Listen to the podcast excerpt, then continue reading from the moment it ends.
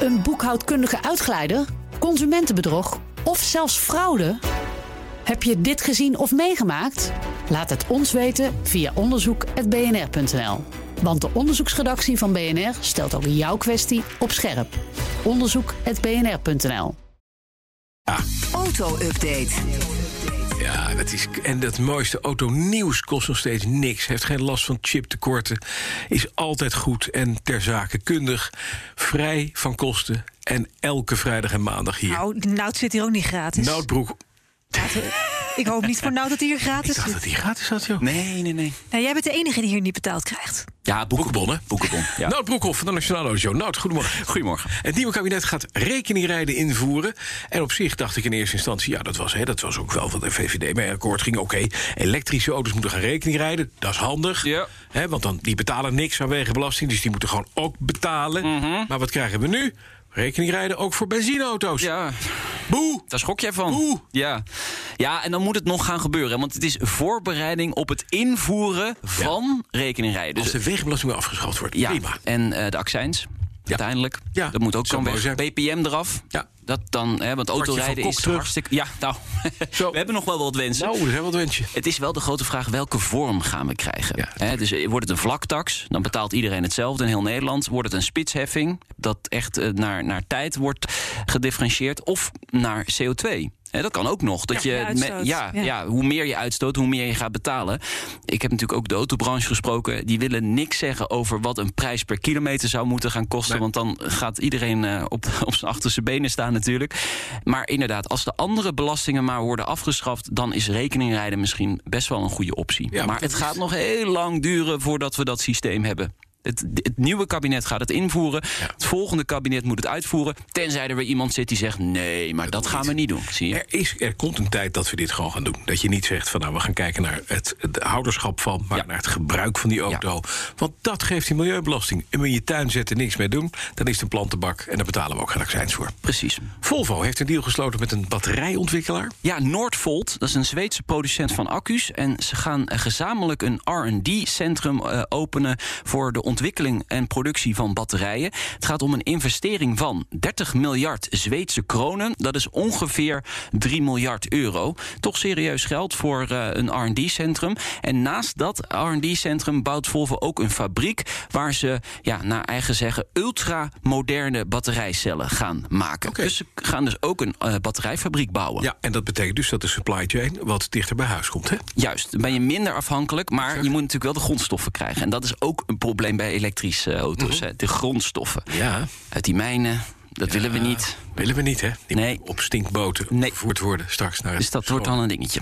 De grote baas van Volkswagen mag blijven. Ja, Herbert Dies, eh, die lag onder vuur. Eh, Natuurlijk eh, vanwege zijn gefleerd met Elon Musk en Tesla. En hij zinspeelde ook op een grootschalig banenverlies... vanwege de transitie naar elektrisch rijden. Hij had ergens laten vallen dat misschien wel 30.000 banen op de tocht stonden bij Volkswagen. Nou, daar waren de vakbonden natuurlijk helemaal niet blij mee.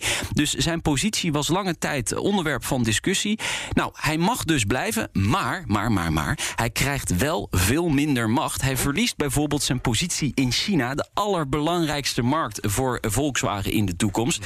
Dus eh, ze trekken wel aan de touwtjes binnen Volkswagen. Sowieso is er een hele shuffle gaande binnen het bestuur. De ene gaat daar naartoe, de andere gaat zus, de andere gaat zo. Is dat allemaal nog de nasleep van het diesel? Ja, nou, Eigenlijk wel, hè, ook. ja, vooral de transitie die ze hebben ingezet. Ze hebben de ID3, ID4 en ze hebben natuurlijk met al die andere merken ook heel veel elektrische auto's. Maar het moet sneller en daarom gaan ze ook meer geld investeren. 9 miljard euro meer eh, dan eerder was aangekondigd. En eerder was aangekondigd 150 miljard euro de komende vijf jaar. Dus 159 miljard de komende vijf jaar.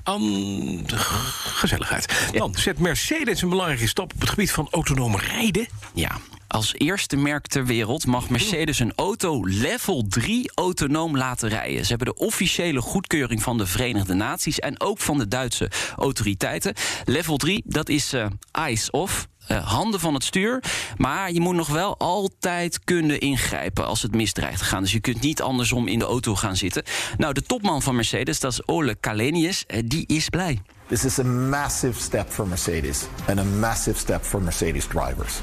The technology will be available in our S Class and EQS first. This paper feels like an early Christmas present. But this is not a present. It is the result of hard and consistent work of our engineers. Ja. Nou, Bas. En hier stopt de droom. Klaar. Want level 3, meer dan dit gaan we niet krijgen. Punt. Nee, oké, level 3 kun je nog accepteren. Dat, dat zou kunnen. Ja, tot er ongelukken gebeuren. Ja, En nou- dat hoop ik niet voor, eh, voor Ole, want dan heeft hij een klein probleem. Ik hoop dat het goed gaat. Ja, je moet in, in principe moet je alert blijven. Dus je moet gewoon opletten in die auto, je handen bij het stuur houden... en als er iets gebeurt, moet je kunnen ingrijpen. Dat is wat level 3 dicteert. En het punt is, op het moment dat je dat niet kan waarmaken... of de bestuurder doet het niet... kan nu de aansprakelijkheid nog door de fabrikant worden afge, weggeheveld... naar de bestuurder, die zijn best niet gedaan heeft. Hè, dat is de disclaimer. Ja. Op het moment dat je gaat zeggen... nee, de auto pakt de aansprakelijkheid over... en ook hè, daadwerkelijk gaat de auto de hoofdbestuurder zijn...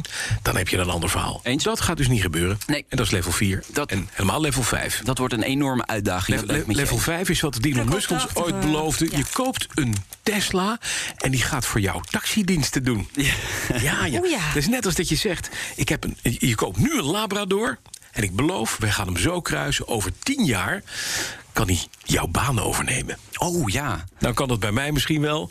Maar bij jou zeker niet. Nou, Nee, bij mij zeker naar- niet. Nog Nog even, Morgan. Ja, een roemrucht Brits automerk maakt Ja, nog jij steeds... wilt maar morgen. Oh, nee, ik wil nog even zeggen: Drive Pilot komt dus in de S-klasse en de EQS. Ja, dat tot aan 60 km per uur. Dat is wel even. Oh, tot dus- aan 60 ja, sorry. Oh. Oké, ja, Morgan. Morgan. Even, ja, het roemruchte Britse merk heeft de krachtigste morgen ooit onthuld. De eh, Plus 8 GTR. De overmorgen eigenlijk. Goeie. 4,8 liter V8, 380 pk, gewicht 1000 kilo. Mhm. Dat wil wel vooruit gaan. Ja, maar nog steeds aluminium op essenhouten frame. Ja, dat, eh, weet, dat, jij- ja, dat vind jij niet En fijn. aanrijding hoor je... En dan gaat het frame levensgevaarlijk. Ja, levenslink. Is je wel Waarschijnlijk- mooi? Morgens. Mm, Ja, Het is wel jouw, dus jouw, jouw straatje. het is geen Riley, hè? Nee, nee, dat het is geen Riley meer. Misschien eh, vanwege dit feit gaan ze er maar negen maken. Dus eh, ze houden het klein. Dat dan weer wel. Dankjewel. Nout Broekhoff. Vanmiddag om drie uur een nieuwe autoshow eh, terug te luisteren via de bekende kanalen uiteraard. En als je van de oude vieze stinkbakken en oude mannen houdt, petrolheads. Ja, ook De auto-update wordt mede mogelijk gemaakt door Leaseplan. Leaseplan. What's next?